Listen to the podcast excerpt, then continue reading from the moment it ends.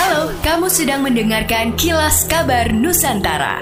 Podcast persembahan KG Radio Network menyajikan berita harian yang mengangkat keunikan dari berbagai wilayah Indonesia. Kilas Kabar Nusantara dapat juga didukung oleh pengiklan loh. Pengen gak sih nambah wawasan yang enggak diajarin di sekolah? Seperti logika dasar, critical thinking, public speaking, atau bahkan NFT? Kuy, dengerin podcast Obsesif yang akan membahas seputar pengembangan diri dan soft skills khusus buat kamu. Persembahan Media Podcast Network by KG Media, hanya di Spotify.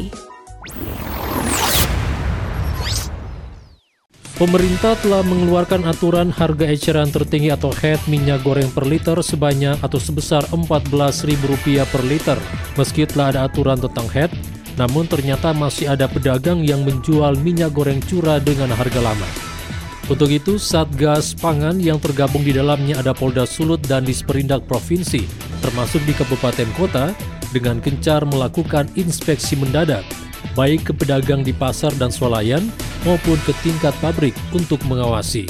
Polda Sulawesi Utara akan terus mengawasi alur mekanisme distribusi dan akan menindak tegas para pelaku yang menimbun bahan stok minyak goreng bersubsidi. Tindakan tegas akan dilakukan kepada para penimbun semua jenis bahan pokok bersubsidi seperti yang diatur dalam Undang-Undang Perdagangan dan Pangan. Warga juga diimbau untuk melaporkan kepada yang berwajib jika mendapatkan informasi mengenai penimbunan bahan pokok bersubsidi.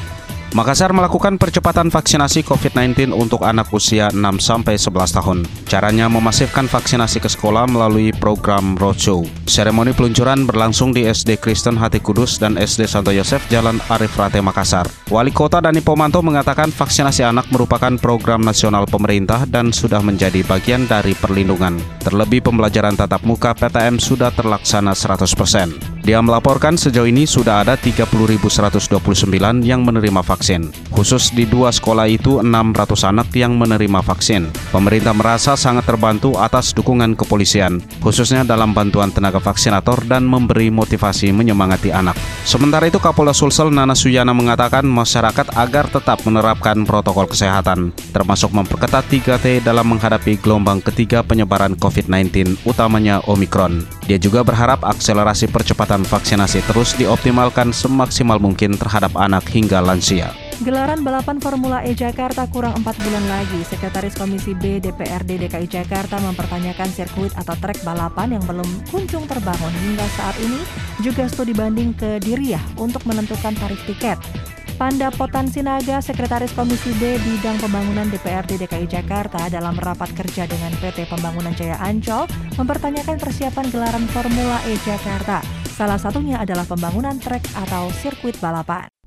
Demikianlah kilas kabar Nusantara pagi ini.